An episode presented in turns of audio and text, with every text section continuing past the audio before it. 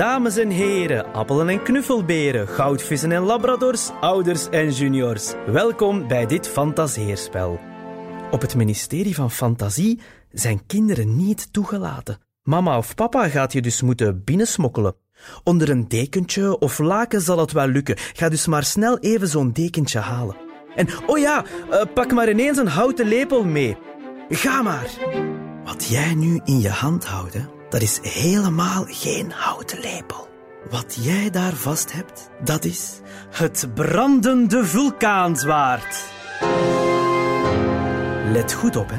Als je hard met het zwaard zwaait, ja, zwaai maar mee met je zwaard, dan schiet het in brand. La, fantastisch toch? Goed. Oh. Ja lap. Nu heeft Oppertrol je zwaard uitgedoofd met zijn nies. Sorry. Om in het ministerie binnen te geraken, moeten we in een diepe rioolput springen. Zo glijden we naar binnen. Klaar om te springen? Zet je schrap. Hier gaan we. 3, 2, 1.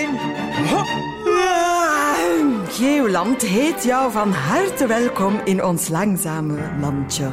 Alleen jij kan ons redden van de eeuwige geeuw.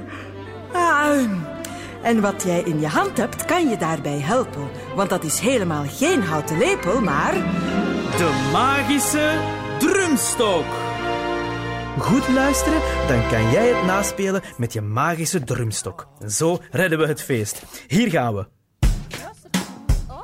Klaar voor de grote finale? Hier komt ie.